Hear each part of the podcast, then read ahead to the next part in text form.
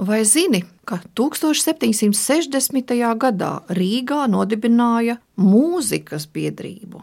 18. gadsimta vidū Rīgā dinamiski aktivizējās mūzikas dzīve. Viens no iemesliem bija barona Otto von Fītinhofa 1753. gada lēmums angažēt privātu kapelu, kas sastāvēja no 24 mūziķiem.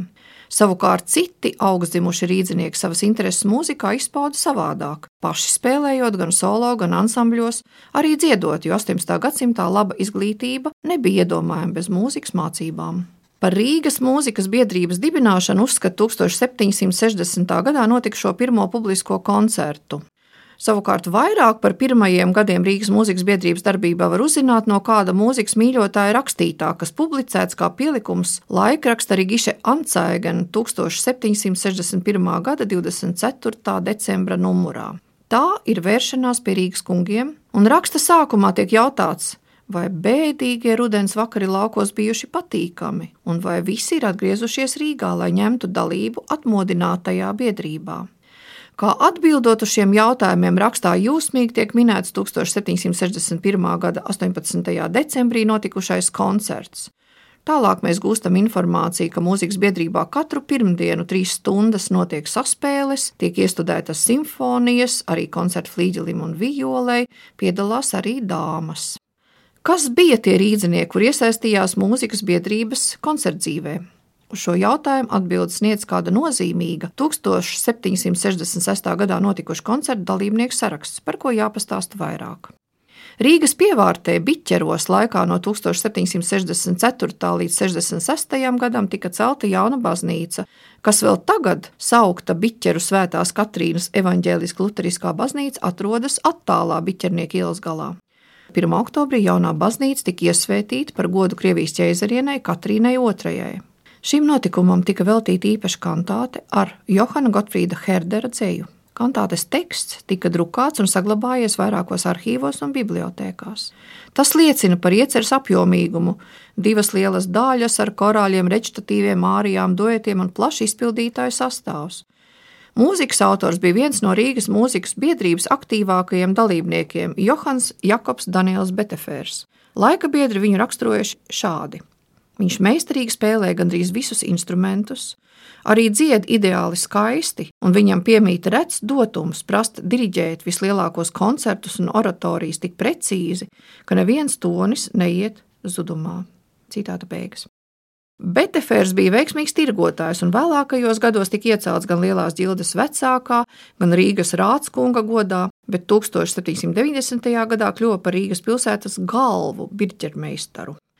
Viens eksemplārs no drukātā kantātes Biķera baznīcas iesvētīšanai teksta glabājas Latvijas Universitātes akadēmiskās bibliotekas retumu nodaļā. Un tur ar roku ir ierakstīti visi 1766. gada koncerta dalībnieki. Trīs pirmās violas, divas otrās, viens alts, viens čels, viens kontrabasa priekštecis, saukts par baroka violone, divas obojas, divas trompetes, timpāni un čembalo. Daļa no mūziķiem bijuši Rīgas pilsētas dienestā, kā violnieks Georgs Bērens, čelists Johims Lomanis un obojists Johans Gotlīps Keihels. Pieminams arī vairāku Rīgas baznīcu ērģelnieks Kristiāns Leberechts Cimermanis pie čembalo šajā atskaņojumā, bet vokālistes četras Rīgas augstzimušās dāmas, starp kurām otrā alta partija dziedājas Betefēra kundze, bet otro soprānu Barbara Rozina Vindhorsta, Rīgas tirgotāja Johana Georga Vindhorsta 20-gadīgā meita.